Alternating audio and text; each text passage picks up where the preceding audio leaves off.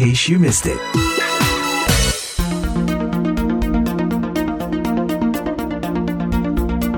Eh, Pak JK langsung saja nih, terima kasih sekali sudah eh, berkenan di wawancara VOA. Dalam diskusi minggu lalu di sebuah acara, Bapak mengatakan bahwa kalau Indonesia ingin tetap menjadi mediator, memediasi eh, perdamaian di antara Israel dan Palestina, harusnya Indonesia itu menjalin hubungan dengan kedua belah pihak. Itu bisa dielaborasi maksud Bapak bagaimana Pak? Iya, kalau kita ingin mendamaikan siapa saja, pindah mendamaikan keluarga, mendamaikan oh, teman, mendamaikan antar negara, ya harus kenal kedua-duanya, harus kenal baik kedua-duanya baru bisa. Karena itu ya soal pre, eh, eh, Palestina dan eh, Israel ini saya sendiri ya ketemu kedua-duanya. Saya ketemu uh, Mahmud uh, uh, Abbas di Ramallah dan uh, perdana menterinya. Saya ketemu uh, Menteri Israel uh, dulu. Saya uh, ketemu uh, Netanyahu. Uh, apakah uh, maksud Bapak mengindikasikan supaya Indonesia segera menormalisasi hubungan diplomatik kita dengan Israel? Oh tidak, tidak begitu. Artinya saya bilang dalam pertemuan juga, oh, saya akan Indonesia tentu akan mengakui Israel kalau Israel mengakui Palestina. Jadi tahap pertama ialah ya bertemu uh, berbicara dengan baik belum tentu kita punya hubungan diplomatik kan? Tidak perlu. Yang penting ada hubungan. Jadi hubungan walaupun uh, individu to individu tetap bisa jalan atau bisnis to bisnis tetap jalan begitu pak ya? Contoh dulu Pak Harto itu uh, uh, memanggil uh, mengundang Yasser Arafat. Dua minggu kemudian uh, mengundang Presiden uh, Presiden eh, Israel eh, Israel Rabin di Jakarta jadi yang yang pertama berbuat begitu Pak Harto. Tapi tetap tidak berhasil mendamaikan mereka kan Pak? Ya, ya. Ini tentu tidak bisa sendiri. Itu harus uh, bersama-sama. Uh, dulu saya uh, memotori pembicaraan uh, mendamaikan presiden ini dengan Erdogan, dengan uh, Pakistannya Musharraf, dengan Abdullah Badawi, dengan uh, Bangladesh, kita uh, uh, uh, mengajak Uni Eropa. Saya ke Belgia membicarakan itu. Saya, saya, saya klarifikasi, Bapak tidak mendorong Indonesia untuk menormalisasi hubungan dengan Israel, tapi mendukung supaya Indonesia memainkan peran lebih besar supaya bisa terwujud to uh, to to to apa sih uh, to state solution itu ya Pak? Iya iya iya begitu. Maksudnya kita ikut, uh, saya setuju dengan uh, keputusan PBB eh, resolusi PBB tentang itu. Karena itu tuh tuh uh, apa itu uh, sistem uh, itu itu uh, itu state uh, apa namanya solution solution itu artinya ya kita harus kedua-duanya kedua belah pihak ini kita harus kenal baik. Kita tahu baru-baru ini ada enam negara yang berhubungan kembali dengan Israel kan. Menurut Bapak apakah itu bisa bisa uh, mengubah kebijakan Israel terhadap Palestina? Oh iya, kita harap begitu sebenarnya. Tapi ya negara itu kan belum mengakui dalam artian uh, diplomasi, tidak hanya sudah uh, maju uh, kemajuannya. Ya, Saudi Arabia juga begitu. Uh, dia sudah memberikan uh, banyak kesempatan udara macam-macam lewat atau saling menghubungi bicara tentang teknologi ekonomi, semuanya begitu. Betul, betul, betul, Pak. Banyak yang berpandangan miring ya ketika ada orang yang misalnya mengusulkan untuk Indonesia membuka hubungan lebih besar dengan Israel atau menjalin uh, kerjasama perdagangan atau individu ke individu. Walaupun ini di balik layar udah terjalan, udah udah udah berjalan nih Pak ya. Karena saya sendiri pernah ke Israel nih. Saya sendiri lewat Singapura, lewat Thailand, selalu saya ke Israel uh, karena pingin lihat Masjid Al Aqsa dan ketemu dengan beberapa tokoh di sana. Tapi setiap kali ada orang yang mengusulkan hal seperti ini, misalnya Pak JK, lalu orang berpandangan miring, oh ini pasti ada udang di balik batu nih. Bapak sendiri merasa begitu, ada tudingan seperti itu? Enggak, kalau saya enggak. Saya ke Israel, saya ke Palestina, saya sengaja bawa wartawan berfoto di Tel Aviv. Uh, dan ini setelah saya wapres ya, bukan yeah. wapres. Uh, kemudian uh, muat di koran, di Kompas, saya bisa undang tokoh-tokoh Islam uh, berbicara di rumah saya. Uh, kenapa saya ke, ketemu orang Menteri Israel begini-begini. Seperti katakan kalau anda ingin damaikan, uh, me, men, karena solusi untuk Palestina kan ada dua, mau perang atau dialog atau perdamaian. Tidak mungkin perang lagi kan? Karena negara-negara area yang dulu berperang semakin sekarang tidak mungkin lagi. Mesir sudah lemah, Syria sudah lemah, Jordan juga lemah, tidak mungkin lagi. Jadi tinggal satu-satunya solusi ya dialog, perdamaian. Tidak ada cara lain lagi. Karena itu maka kita mendorong ke situ. Dan saya tidak bisa pihak Indonesia juga uh, mengadakan konferensi untuk mendukung Palestina. Saya waktu itu mewakili Indonesia uh, apri konferensi itu kenapa Joko Widodo pimpinan sidang dengan uh, PBB, EU, eh, Uni apa ke negara Islam, Oki. Ya, ya, ya. Adakan itu. Jadi kita Indonesia ini berada uh, mendukung Palestina, tapi untuk kepentingan Palestina sendiri perdamaian, maka kita harus berbicara dengan uh, Israel. Israel. Tidak mungkin caranya sepihak mendukung Palestina, mendukung apa? Jadi kita kita tetap memulai mulai pembicaraan atau mengajak Israel berunding, tapi uh, informal begitu Pak ya, bukan formal dengan membuka hubungan diplomatik. Oh enggak, pasti enggak. Pendengar In Case You Miss It, itu tadi mantan Wakil Presiden Yusuf Kala yang akhirnya menjelaskan dengan rinci apa yang dimaksudnya dengan menjalin hubungan dengan Israel jika ingin bersikap serius membantu perdamaian dengan Palestina.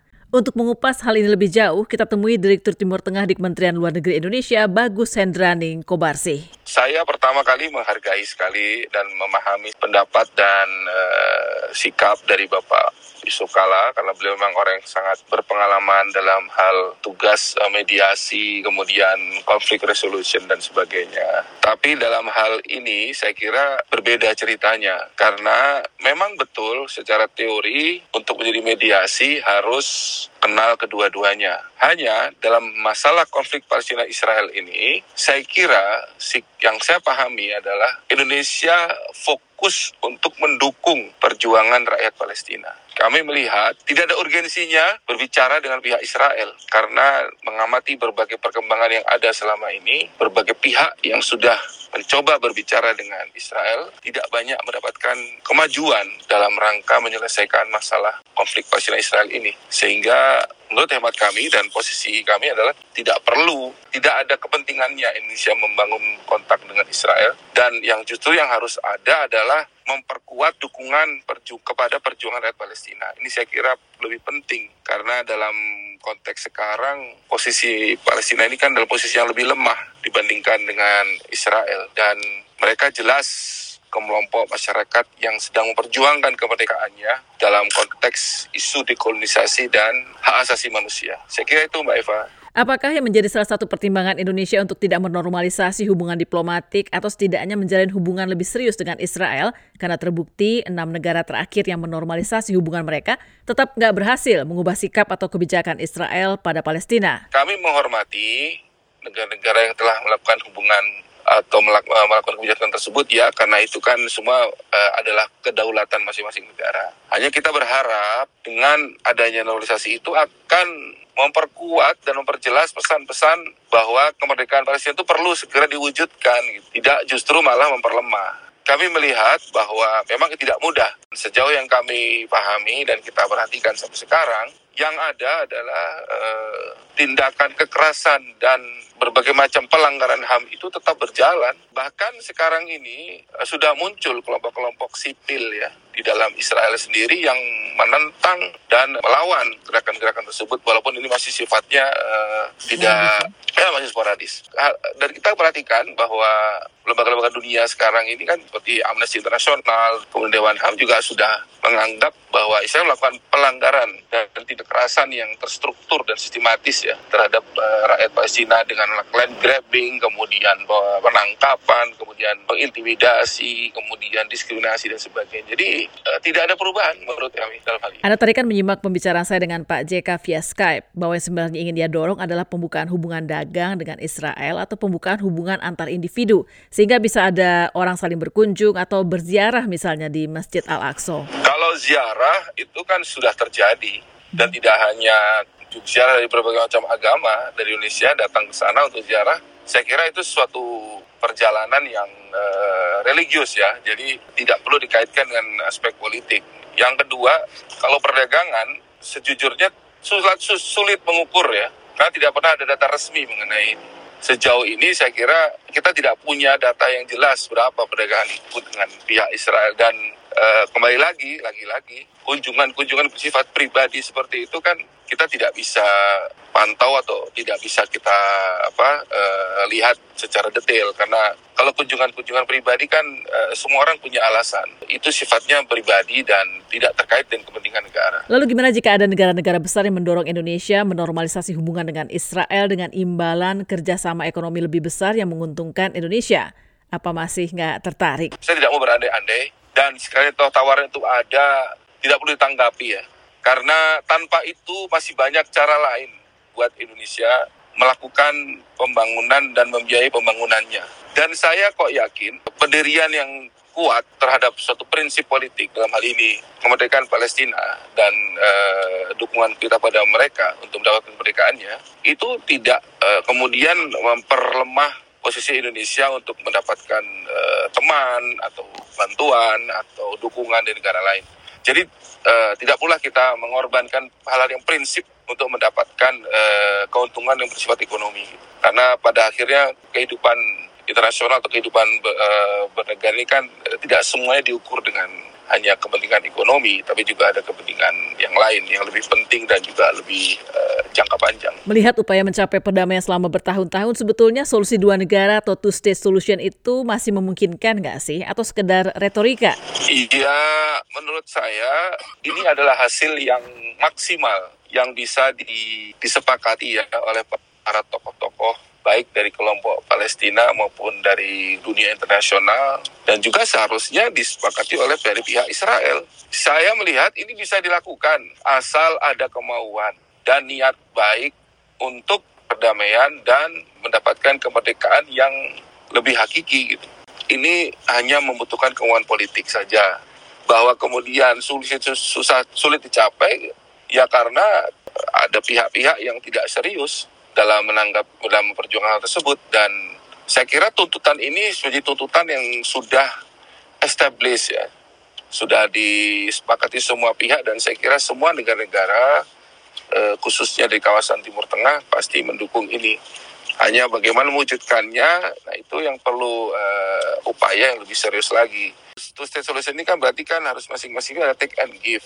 Ini dia masalahnya gitu. Karena Eh, perjuangan dan uh, tuntutan kemerdekaan ini kan juga sesuatu yang prinsipil yang nggak bisa ditawar-tawar. Dan saya kira kalau secara historis klaim Palestina ke atas kemerdekaan tersebut saya kira sangat sah. Itu yang harus diperjuangkan terus-menerus dan akan menjadi agenda yang tidak akan pernah dilupakan oleh sejarah dan oleh dunia internasional sampai saat ini. Saya menanyakan hal ini karena kita tahu persis bagaimana Israel sering menyerang Palestina tanpa alasan jelas, yang gak jarang bahkan terkait dengan geliat politik di dalam negeri mereka sendiri. Iya, karena dari berdasarkan analisa yang kita lihat, ini juga bagian daripada uh, mendekatkan leverage para kandidat itu untuk menunjukkan bahwa mereka uh, sangat peduli dengan keamanan, uh, melindungi rakyatnya, kemudian peduli dengan keamanan dan mereka menunjukkan keseriusannya uh, dalam tanda kutip mengatasi ancaman terhadap negara mereka yang dari kelompok yang mereka cap sebagai kelompok yang ya whatever yang dianggap uh, mengganggu ya entah itu disebut teroris entah itu disebut sebagai gerakan-gerakan radikal sebagainya. Padahal sebetulnya kan itu perjuangan dari rakyat Palestina untuk berawal kemerdekaannya. Yaitu bagian dari jualan apa dari agenda politik domestik lah. Betul. Dari pihak Israel. We are open for ideas uh, to save the two state solution. The emphasis here is saving the two state solution. It is not enough to, re, to keep repeating that we stand for the two state solution. Presiden Palestina Mahmud Abbas berencana mengajukan permohonan agar negaranya dapat menjadi anggota penuh di PBB dalam sidang Majelis Umum September nanti. PBB telah mengesahkan Palestina sebagai negara peninjau pada tahun 2012 dan hingga saat ini 138 dari 193 negara anggota PBB telah mengakui Palestina sebagai sebuah negara. Saya Masreva, VOA, Washington.